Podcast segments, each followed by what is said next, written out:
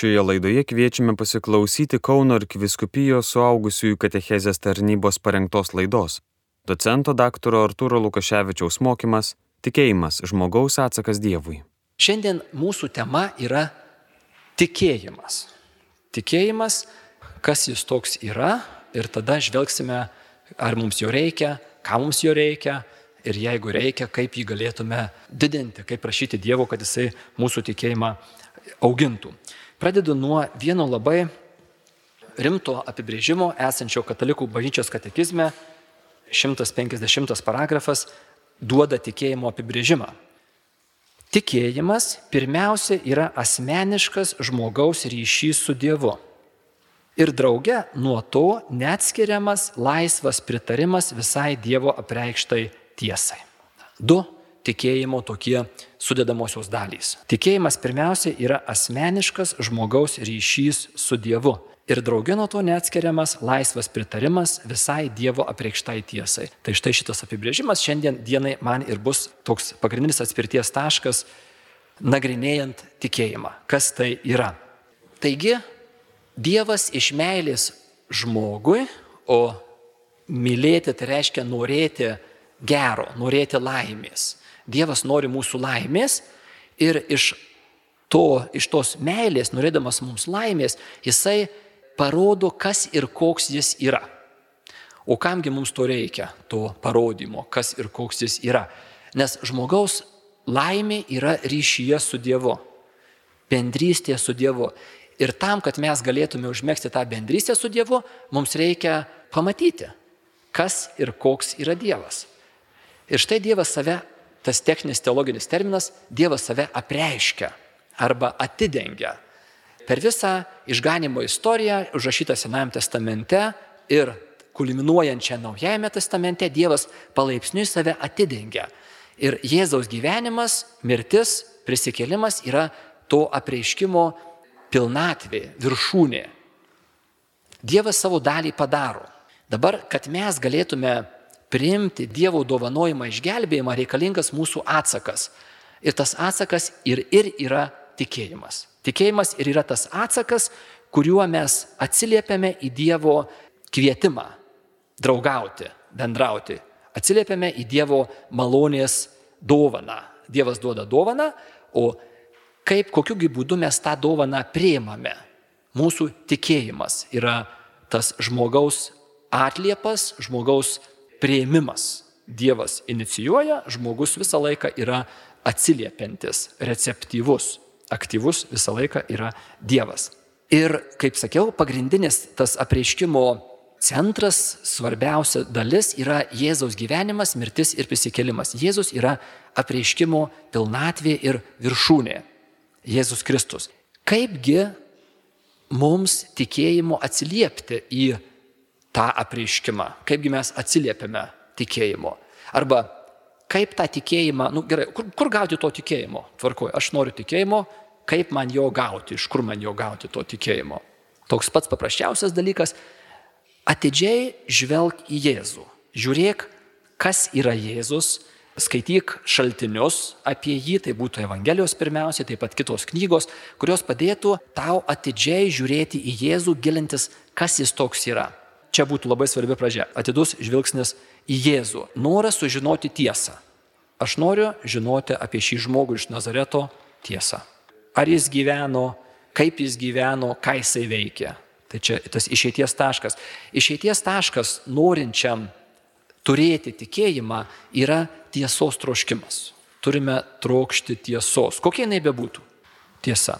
Čia būtų svarbus išeities taškas žmogui norinčiam įgyti ir aukti tikėjime. Tai tam reikalingas nuolankumas, reikalingas pasiruošimas ir pripažinti tiesą, nesvarbu, ar jinai bus maloni ar nemaloni. Daug tokių vidinių savybių reikia šitame kelyje, tikėjimo ieškotojo kelyje. Šito vietoje dabar stepteliu ir porą norėčiau tokių pataisų iš karto padaryti, kas nėra tikėjimas. Tikėjimas nėra savytaiga. Tikėjimas nėra toksai, nu, savi, savęs įkalbėjimas, įsikalbėjimas. Savęs įsikalbėjimui nelabai rūpi, kaip yra iš tikrųjų. Savęs įsikalbėjimas norėtų reiškia, jisai nori, nesvarbu kaip yra iš tikrųjų, jam svarbu save kažkaip tai įteikti, įkalbėti. Ir kartais žmonės galvoja apie krikščionišką įtikėjimą kaip tokį, nu, tokią savi įtaigą tam tikrą. Taip pas save paimam, taip užlaužiam, ne, įsiteigiam savo, paskui dar kartą į savaitę nueinam po valandą laiko tenais, būnam tokioje vienoje vietoje, kur sakom daug kartų visi tikiu, tikiu, tikiu, tikiu, tikiu, į tokį transą patenkam tam tikrą, na, ir paskui išėję iš to trans, iš tos vietos, per savaitę taip ir einam. Taip, ne, taip tikiu, tikiu. Ir tokiam tam tikroj, tokioj va būklėje. Ne, tai nėra tikėjimas. Tikėjimas reikalauja labai didelio, kuo įmanoma didesnio proto blaivumo, atidumo, padėjimo į šalį tokius dalykus, kurie, nu, vad kaip savytaiga, ar savęs įkalbėjimas, ar Kašpirovskis, ar panašus, reiškia tokie va dalykai. Tai čia būtų ne, nebūtų tikėjimas. E, tikėjimas reikalauja noro sužinoti, kaip ten yra iš tikrųjų. Taip pat tikėjimas nėra psichologinė savipagalba. Kartais žmonės sako, nu, Aš nueinu į bažnyčią, truputį taip va, nurimstu, netaip nervuojuosi, tikintys žmonės yra truputį, reiškia, psichiškai stabilesni, nes jie gali pasitikėti Dievu, nu taigi aš tikėsiu, okay, aš tikėsiu, tikiu. Gal tai gali pasitarnauti kaip pradžia, gal, aš nežinau. Bet tai tikrai nėra krikščioniškas tikėjimas. Šia krikščioniškas tikėjimas stovi ant kito pagrindo. Aišku, galutiniam rezultate krikščioniškas tikėjimas duoda milžinišką vidinį stabilumą ir psichinę sveikatą ir visus kitus dalykus. Bet tai yra jau, kas yra pridėta, o tikėjimas ne nuo to prasideda. Čia nebūtų tinkamas motyvas tikėjimui auginti. Prašyti reiškia tikėjimo augimo. Žinote tą Kristaus vietą, kur jisai sako, ieškokite Dievo karalystės, o visa kita jums bus pridėta. Tai va, tai čia yra tas visa kita, kas bus pridėta tame tarpe ir psichinė sveikata, kuri ypač svarbi mūsų labai sužalotoje visuomenėje, ar tai Lietuva būtų, ar visas vakarų pasaulis. Tikrai esame psichinių sutrikimų epidemijos epicentre. Paskutinis daug dešimtmečių, šimtmetis praktiškai taip yra. Bet tikėjimas krikščioniškasis nėra tokia va savipagalbos priemonė. Jisai prasideda kitur. Ir tie, kurie norė, norime aukti, turime save ištirti pažiūrėti atidžiai save ir kokie yra mano motyvai, nes tie motyvai mums arba trukdo arba, trukdo arba padeda aukti tikėjime. Taip pat porą žodžių norėčiau apie tikėjimą ir fanatizmą. Tikėjimas ir fanatizmas. Ar gilus, stiprus, didelis tikėjimas yra fanatizmas? Priklauso, kaip apibriešime tuos žodžius, kaip apibriešime fanatizmą ir, ir kaip apibriešime stiprų tikėjimą. Bet aš siūlyčiau sakyti ne. Fanatizmas, taip kaip aš dabar jį apibrėšiu, fanatizmas nėra gilus, stiprus krikščioniškas tikėjimas. Nes fanatizmas, kas jis toks yra, sunku apibrėžti yra, bet fanatizmas yra tam tikras labai stiprus įsitikinimas, tačiau krikščioniškų požiūrių jam trūksta dviejų svarbių dalykų. Fanatizmas bijo, nenori savęs kritiškai patikrinti. Fanatizmas atsisako leisti kritiškai įvertinti save. Fanatikas net nenorėtų, atsisakytų kritiškai įvertinti savo pažiūras. Ir tada klausimas yra, kodėl jisai taip daro, kodėl jis taip bijo tą daryti. Aš tai tokį įvaizdį savo turiu, kaip aš fanatizmą įsivaizduoju. Fanatizmas yra labai garsus rėkimas kažko tai teigimas, bet labai garsiai tą reikia daryti. Ir tas garsumas man kelia įtarimą, kad ko gero tas, kuris garsiai reikia, jisai nelabai tuo tiki. Jisai bijo, kad jeigu jisai tik nutils, tai paaiškės, kad yra kitaip. Tai tada reikia labai garsiai rėkti savo ir kitiems, kad tik tai nepaaiškėtų, kad vis dėlto yra kitaip. Fanatizme yra tam tikras netikėjimas, tam tikras bijojimas, kad yra kitaip. Tai Tokiu požiūriu tada krikščioniškas tikėjimas nėra fanatizmas. Krikščioniškas tikėjimas kviečia mus būti nuosekliais ir tą nuoseklumą aš pavadinčiau radikaliu tikėjimu. Radikalus tikėjimas tai reiškia tikėjimas, kuris nuosekliai išplėtojamas į visas gyvenimo sritis. Jeigu tu esi krikščionis, tai tada tu esi krikščionis ne tik tai sekmadienį bažnyčioje, bet tu turi ir elgtis krikščioniškai, kalbėti krikščioniškai, galvoti krikščioniškai, reiškia tas nuoseklumas. Ir nukėlimas, sistemingas to tikėjimo nukėlimas į visas gyvenimo sritis. Tai va šitas tai būtų krikščioniškas tikėjimas ir aš naudočiau tokį žodį radikalus. Krikščioniškas tikėjimas, man atrodo, tai yra geras žodis. Nors vėlgi priklausys nuo to, kaip mes jį apibrėšime. Radikalus tikėjimas nereikštų nesugebėjimo dialoguoti su kitaip manančiu. Atvirkščiai. Tik tai žmogus, kuris yra tvirtas savo tikėjime, saugus savo tikėjime, gebės ramiai ir pagarbiai dialoguoti su kitaip manančiu. Tai, tai tas radikalus tikėjimas nereikštų nesugebėjimo priimti kitaip manantį, nesugebėjimo leisti žmogui būti šalia kitokiam kartais taip galvojama, kad radikalumas tai būtų toks, nu, netolerancija labai didelė, bet pagal šį mano apibrėžimą taip, taip ne. Reiškia, mes esame kviečiami būti nuoseklus iki galo ir va šiuo požiūriu tikėjimo niekada nebus per daug. Mes esame kviečiami į labai stiprų, gilų, ugningą tikėjimą. Bet tas stiprus, gilus, ugningas tikėjimas nereikš galvų kapojimo kitaip manantiems aplinkui, atvirkščiai, visai kita laikysena gautųsi. Tikėjimas yra žmogaus veiksmas ir Dievo malonė. Daugybę kartų esam girdėję, kad tikėjimas yra Dievo malonė, Dievo dovana. Ir tikrai taip ir yra. Tikėjimas yra Dievo dovana. Bet uh, iš kitos pusės, tuo pačiu metu, tikėjimas yra ir žmogaus veiksmas. Žmogaus proto, valios, tam tikras emocinis, tam tikras intuityvus, reiškia vidinis judesys. Tikėjimas būtų ir žmogaus veiksmas. Ir kartais žmonės sako, aha, tikėjimas yra Dievo dovana, ar taip? Taip. Nu va, tai tau davė tikėjimo dovana, tu turi, tu tiki. O aš netikiu. Kodėl aš netikiu? Man nedavė. Kas kaltas, kad aš netikiu? Dievas kaltas išeina, ne? Klaida. Kur klaida? Taip, tikėjimas yra Dievo dovana ir mes negalėtume tikėti be tos dovanos. Tačiau būtų galima taip įsivaizduoti. Dievas turi pilną glėbį tikėjimo dovanėlių ir nekantriai laukia, kol koks nors žmogus tik atsivers tai dovanai, kur išties ranką primti tą tikėjimų dovaną.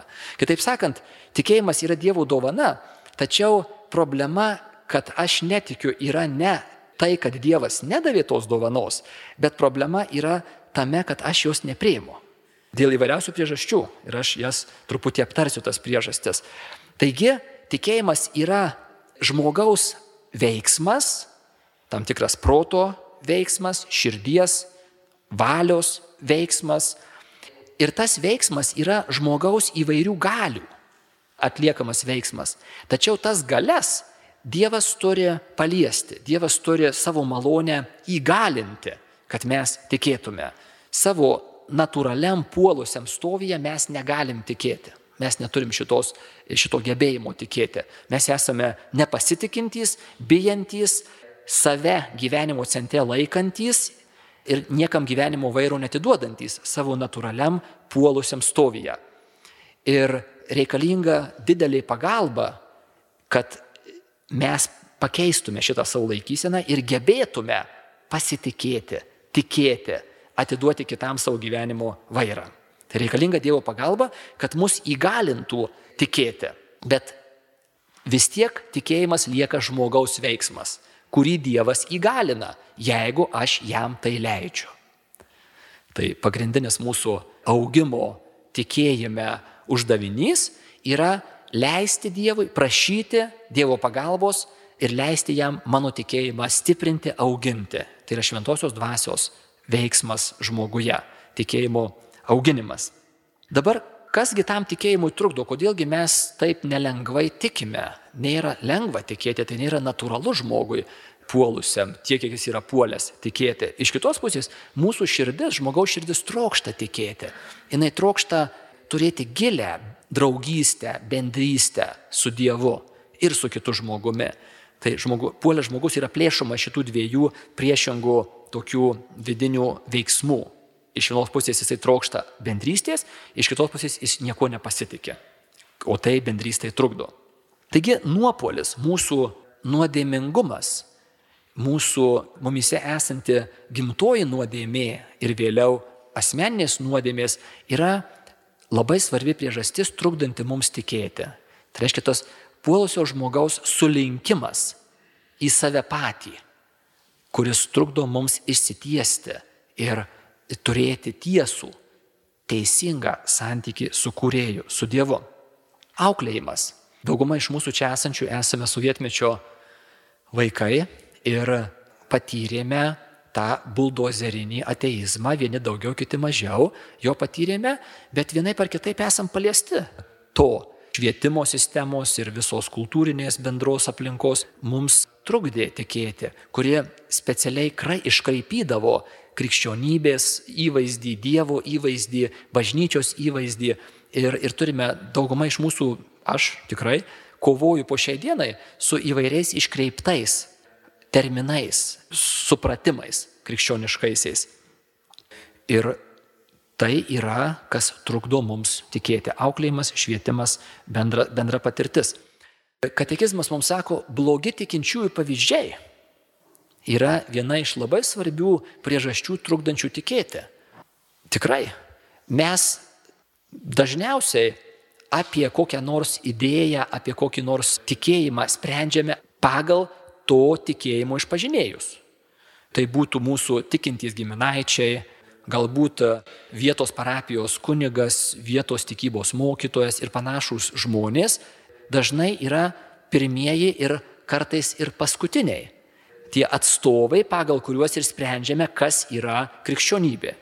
Ir va šitoje vietoje didžiulis pavojus yra padaryti klaidą, nes dažnai jie nebus tobulai atspindintys Kristų, tobulai reprezentuojantis krikščionybę. Ir mes, jeigu norime aukti, teks atleisti ir žengti toliau. Kartais gali būti labai koks nors pamaldus žmogus, kuris dažnai eina į bažnyčią, viską meldžiasi daug, o yra irzlus, ar yra nemalonus, ar yra tiesiog bemeilis savo aplinkiniams. Ir, ir tada vaikai, ypatingai vaikystėje, lengvai padaro išvadą, kad visa krikščionybė yra tokia. Dievas tikriausiai yra toksai šaltas, užsidaręs, ne, nebendraujantis. Tai galima daryti šitą klaidą ir blogi tikinčiųjų pavyzdžiai nuo vaikiškų iki labai nevaikiškų, iki baisių gali stipriai iškreipti krikščionybės supratimą ir trukdyti žmogui tikėti. Asmeninės nuodėmės. Mano gyvenimo būdas dažnai yra kliūtis ir dažnai man nežinoma kliūtis trukdanti man tikėti. Šitą daug kalbėsime vėliau. Jeigu tikėjimas yra tiesa, daug žmonių arba masto, arba pasamoningai yra tokiame stovyje. Jeigu paaiškėtų, kad krikščionybė yra tiesa, tada ko gero reiktų mikliai daug ką keisti. O tai ne visada lengva ir malonu. Tai gal tada verčiau neprimti tikėjimo, Yra lengviau sakyti, kad aš netikiu. Tai yra nesąmonė. Taip nėra. Galime pasiremti vienu kitu ateistų, rašytoju ar vėl tais pačiais blogais tikinčiųjų pavyzdžiais ir sakyti, ne, taip nėra. Dažnai mano gyvenimas yra, gyvenimo pasirinkimai yra svarbi kliūtis man aukti tikėjime. Taigi, tikėjimas kaip žmogaus veiksmas. Jame dalyvauja žmogaus protas, žmogaus širdis ir žmogaus valia. Paimu šitas tris, tris tokias galės, labai svarbes žmogaus galės ir trumpai dabar jas žvilgtelėsiu. Protas. Kaipgi mes tikime protu? Protas būtų pritarimas krikščionybės kokiai nors tikėjimo tiesai, krikščionybės kokiam nors teiginiui kaip tiesai. Tai yra manimas, kad taip ir yra, kaip krikščionybė moko tarkime, krikščionybė moko, kad yra vienas Dievas trijuose asmenyse ir ką reiškia tikėti šią tikėjimo tiesą. Tai reiškia pritarti tam, manyti, kad taip ir yra. Yra vienas Dievas trijuose, o ne keturiuose, ne viename ir ne kaip nors kitaip. Atrodytų banalu, kam tą ir sakyti. Bet ar nesate sutikę žmogaus, kuris gal kitais žodžiais pasako va tokį dalyką? Sako, Nu, aš tikiu, kad yra vienas Dievas trijose asmenyse, bet iš tikrųjų, kas te žino, aš tikiu. kad yra vienas Dievas trijose asmenyse. Bet iš tikrųjų, kas te žino? Atidžiau pažiūrėję į savo tikėjimų, į tikėjimus savyje turimus krikščioniškuosius ar kitokius, kartais galima atpažinti panašią laikysiną. Ir tada man klausimas iškyla, ką reiškia žmogau, kai tu sakai savo pirmąją sakinio dalį, aš tikiu, kad yra vienas Dievas trijose asmenyse. Nes man atrodo, kad antrąją sakinio dalimi tu nubrauki šią pirmąją. Antrąją sakinio dalimi tu pasakai, ką iš tikrųjų tu tiki. O kągi tu iš tikrųjų tiki? Kas te žino? Nu tai, tai ir būtų visai sažininga pripažinti. Štai ką aš tikiu. Kas te žino? Ir tam, kad mes galėtume aukti tikėjime, reikalingas tiesos pripažinimas. Reikia pripažinti tiesą apie tai, ką mes tikime ir ką mes netikime. Augimas tikėjime nevyksta per mechanišką papūginį kartojimą. Ne, kažkokiu tai tikėjimo formulių reikia daug, daug, daug, daug, daug, daug, daug kartoti. Ne, ne, ne. Na taip. Sustok, nurimk. Kągi tu iš tikrųjų tiki? Pažiūrėk atidžiai. Ar nori tikėti, ar nori gilintis į krikščionybę, ar nori žvelgti į tai, ką tiki krikščionybė. Gilinkis, Žiūrėk, ar koks yra pagrindas to, ką sako krikščionybė. Tų tikėjimų tiesų, kurias krikščionybė pateikia, koksgi už jų pagrindas yra. Kad mūsų tas tikėjimas būtų pagrystos ir mes galėtume sakyti taip, aš apsvarščiau ir taip, tikiu tuo. Manau, kad iš visų tų mozaikos elementų, kiek čia galima susirankioti, tai yra tiesa, ką moko krikščionybė. Tai vad tas intelektinis tikėjimo pažinimas ir kaipgi aukti jame. Tai būtų paskaitų klausimas ir knygų skaitimas. Štai ką jūs darote dabar ir yra to augimo intelektinėme tikėjimo prieimime, pažinime dalis paskaitos. Tai būtų knygos, už tai skaitote jaunimo katekizmą, tikriausiai ir kitas knygas skaitote tam, kad geriau pažintumėte tikėjimą ir galėtumėte labiau savo protu tikėti. Tačiau jeigu čia tikėjimas užsibaigtų, tai būtų labai, nu, toksai intelektinis, sausas, negyvas, tik informacijos prieimimas ir pritarimas jai. Tikėjimas yra daug daugiau. Tikrai taip. Tikėjimas yra patirtis. Tavo širdies elementas, širdies dalis tikėjime yra būtinas. Ir už tai mes gėdame, pavyzdžiui, Reikit, intelektiniu požiūriu gėdojimas yra, nu, toksai nerimtas dalykas, nežinau kaip jūs. Man kaip tokiam, nu, kaip sakoma, žmogui, tai gėdoti yra toks laiko švaistimas. Ir visai ne. Ir aš pats savo atsivertimo laikais prisimenu, kokią svarbę, ir ne, ne tik tada, ir dabar. Gėdojimas yra tas, vad būtent tas patirtinis, reiškia tas širdies, emocinis lygmuo, kuris yra labai svarbus. Paprastas praktinis jums patarimas ir pasiūlymas - gėdokite. Gėdokite, aišku, ir čia tas kelias giesmelės, kurias mes čia gėdame pradžioje ir pabaigoje, bet kai važiuojate automobiliu, įsimeskite kasetę. Vietoj to, kad klausytumėmės labai daug blogų naujienų, pastoviai einančių, kokią nors giesmių kasetę užsidėkite. Ar tai būtų šlovinimo giesmės, ar tai būtų taize giesmės, ar tai būtų kokios nors krikščioniškos giesmės. Tokiu būdu savo emocinę, labai gilę būties dalį maitinsite tiesa, maitinsite labai svarbiais dalykais.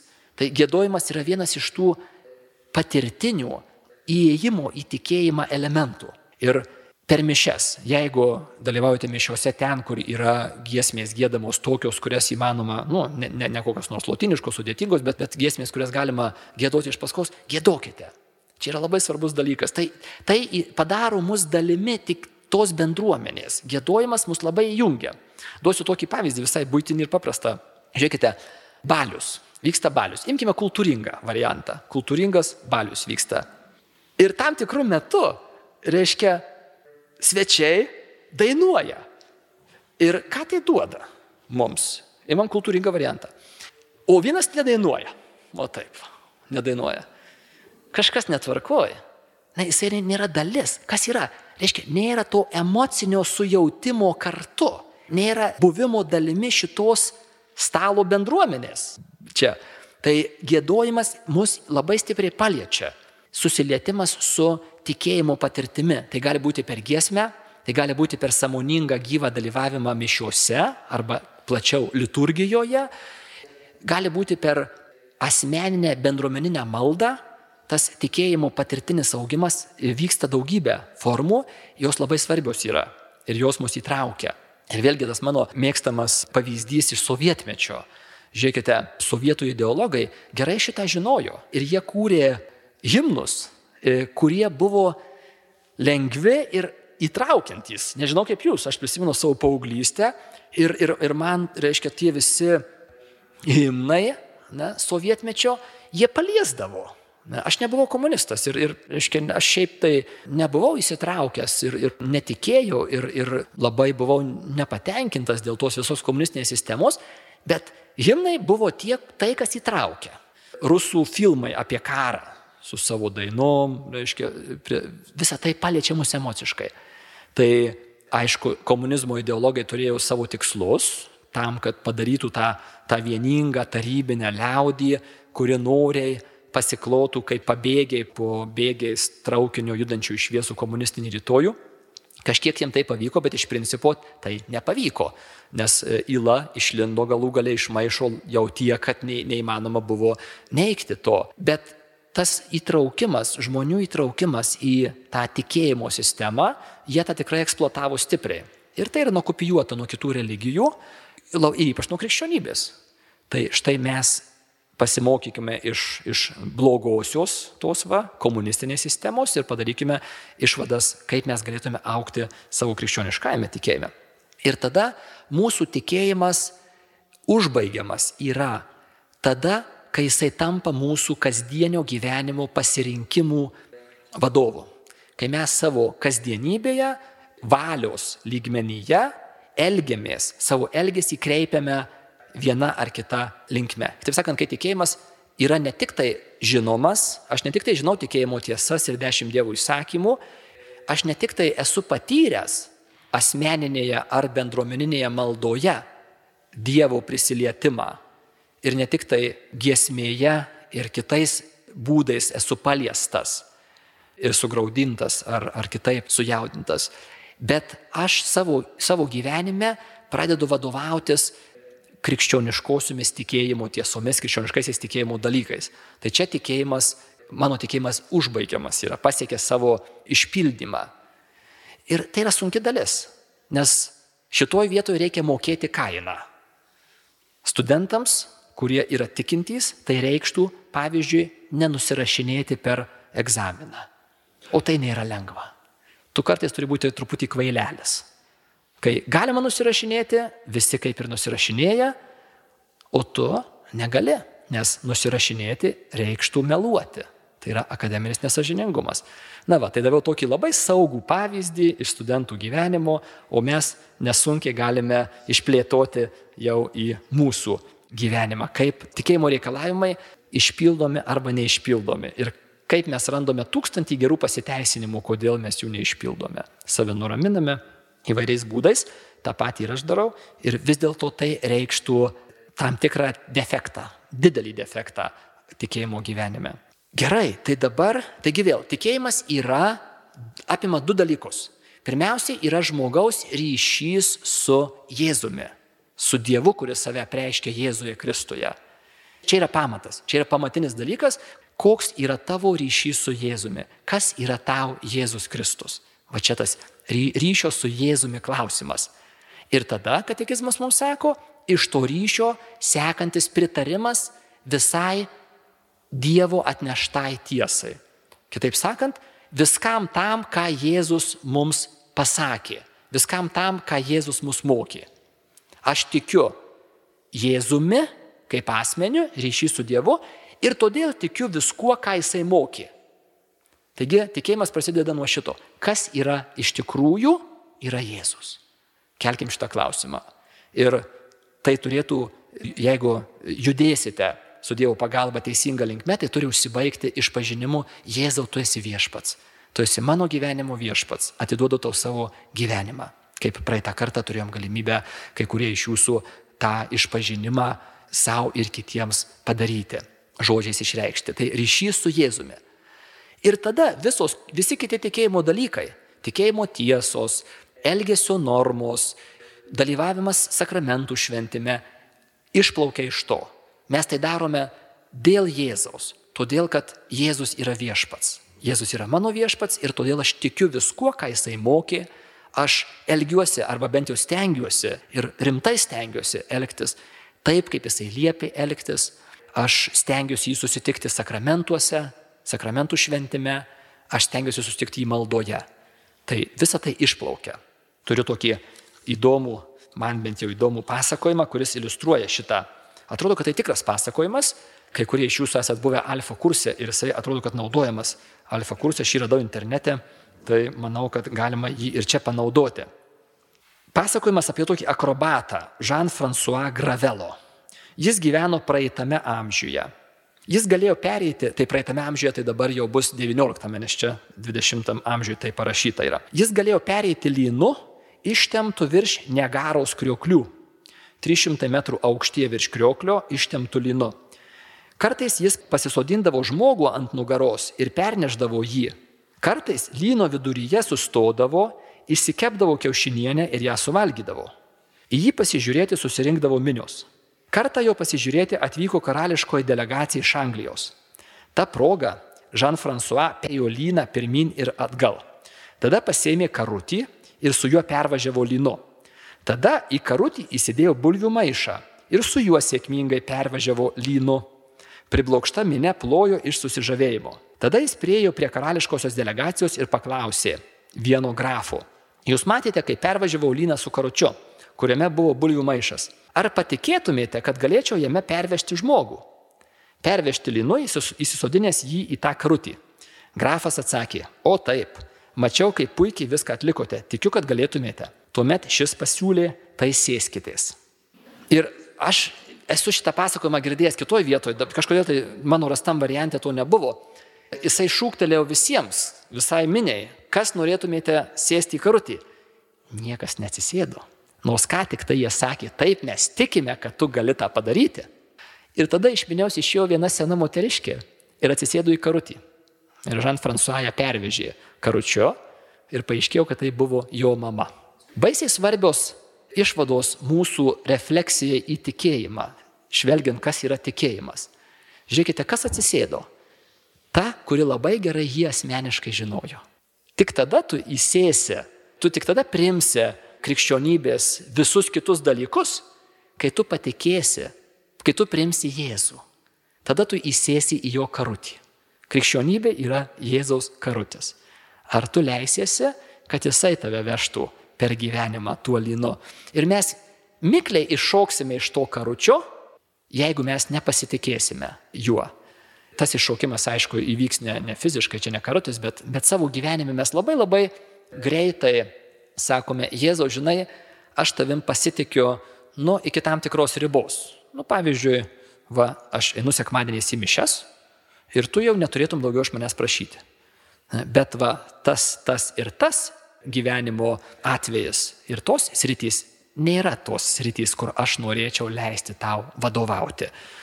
Čia, jeigu galima, savo gyvenimo vadovas ir valdovas būsiu aš pats. Tai tas asmenis ryšys su Jėzumi yra pagrindas, ant kurio vėliau statosi visos tos tiesos, kurias Jėzus atnešė. Aš tas tiesas priimsiu tik tada, jeigu aš patikėsiu Jėzumi. Pabaigai norėčiau peržvelgti jaunimo katekizme labai gerą tikėjimo apžvalgą. Jie pateikė septynias savybės tikėjimo. Ir jos labai naudingos. Jeigu kas nors skaitote tas ištraukėlės, kurias užrašome jums kiekvieną kartą, tai va čia bus tos irgi septynios tikėjimo ypatybės. Tikėjimas yra neužpelnyta, grina Dievo dovana. Aptarim tai. Neužpelnyta. Ne dėl mūsų gerumo. Aš neturiu tapti labai geru žmogum, kad Dievas man duotų šią dovaną. Ne, tai būtų klaida. Mes niekada nepasieksime tokios būklės, kurioje mes būtume nusipelnę kokios nors Dievo dovanos. Dievas savo malonę teikia neužpelnytai. Ir mums puikybė šitoje vietoje trukdo, nes mes nieko nenorime gauti už dyką. Aš noriu būti viską užsipelnęs. Nežinau, jeigu atidžiau pažiūrėsite į save, gal kartais atpažįstate šitą šitą laikyseną savyje. Aš nenoriu būti maldautojas, aš nenoriu būti elgeta. Ką aš čia dabar maldausiu? Aš nusipelnysiu, užsidirbsiu. Neužsidirbsi šito. Neužpelnyta Dievo dovana, kurią gauname nuoširdžiai jos prašydami. Dovana, kurią gauname nuoširdžiai jos prašydami. Va čia ko gero yra sunkiausia dalis. Nuoširdžiai jos prašyti. Jeigu kažkam yra sunku, pradiniai žingsniai yra tiesiog prašykite aklai. Dieve, praeitą kartą sakiau jums tą gerą ateisto maldą. Labai nuostabi malda. Puik, puikia starto aikštelė. Dieve, jeigu tu esi, aš noriu tave pažinti. Ateik į mano gyvenimą. Duok man kokią nori priemonę, kad aš galėčiau tave pažinti ir su tavim bendrauti. Ir Dievas duos tikėjimą, nes tai ir yra ta priemonė. Tai melskitės, kaip sakant, iš tos starto aikštelės, kurioje esate. Nereikia apsimesti labai dvasingais ir tikinčiais ir visko, jeigu nesame. Ten, kur esame. Dievas mus paima už rankos ten, kur mes esame. Mums nereikia tapti kitokiais tam, kad Dievas mus paimtų už rankos. Tikėjimas yra antgamtinė gale, kurios mums būtinai reikia, kad būtume išganyti. Tikėjimas yra ta antgamtinė gale, Dievo dovanojama tam, kad mes galėtume pereiti iš mirties į gyvenimą, į amžiną į gyvenimą, kuris prasideda jau šioje žemėje. Ir be šito mes negalime padaryti to perėjimo iš buvimo mirtyje į buvimą gyvenime. Tikėti tai laisva valia ir aiškiu protu priimti Dievo kvietimą. Aptarimtai. Valios ir proto veiksmas. Ir reikia kuo, kuo aiškesnio proto, kuo tokios ramesnės, ne, ne, ne kažkaip tai ne, nesu, ne, nesumišusio vidaus. Reikalingas nurimimas. Tam reikia laiko. Už tai jūsų visai nespaudžiame su, su Jėzaus išpažinimu viešpačiu ar kitais tikėjimo dalykais. Kai kuriems tai yra greičiau, kitiems lėčiau. Klauskite, ar iš tikrųjų, ar iš tikrųjų aš tam pritariu, ar iš tikrųjų aš to noriu. Ir tarp kitko, noras tikėti jau yra tikėjimas. Jeigu turite norą tikėti, aleliuja. Tai yra pradžia. Ir tas noras yra ne iš jūsų. Tai yra ne mūsų pastangų rezultatas, tai yra Dievo dovana. Tikėjimas yra absoliučiai tikras, nes už jį laiduoja Jėzus. Tikėjimas yra tikras. Aš žinau, kad tikrai taip yra. Kodėl? Todėl, kad už jo tikrumą garantuoja Dievas. Tokia teologinė formuluotė yra. Dievas yra būtybė, kuri negali nei apgauti, nei būti apgauta. Jisai negali nei apgaudinėti, nei būti apgautas. Ir jeigu jisai už kažką tai laiduoja, tai tikrai taip ir yra, nors aš pats to savo akimis ir nematau. Iškiau, kadangi pasakė tas, kuris negali apgauti.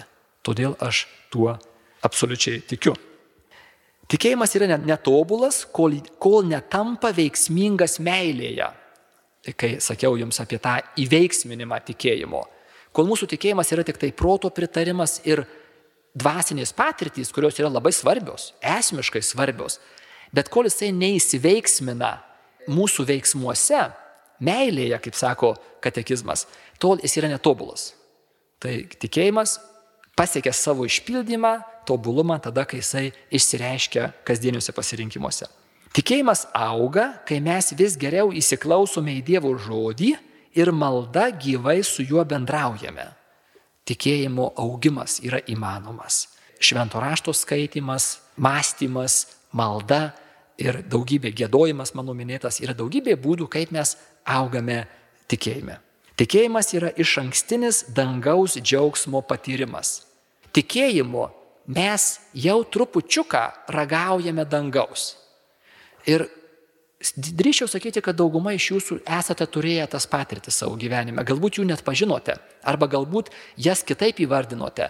Bet tam tikrais gyvenimo momentais, bent kai kurie iš jūsų turi, esate turėję šitą patirtį, kai tikėjimas duoda tą ramybę, gilų džiaugsmą, jėgą pereiti per sunkumus, kuris akivaizdžiai ateina ne iš mūsų galių.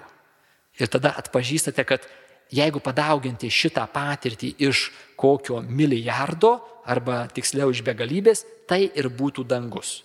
Tai tikėjimas mums duoda tą iš ankstinį dangaus jau ragavimą šioje žemėje.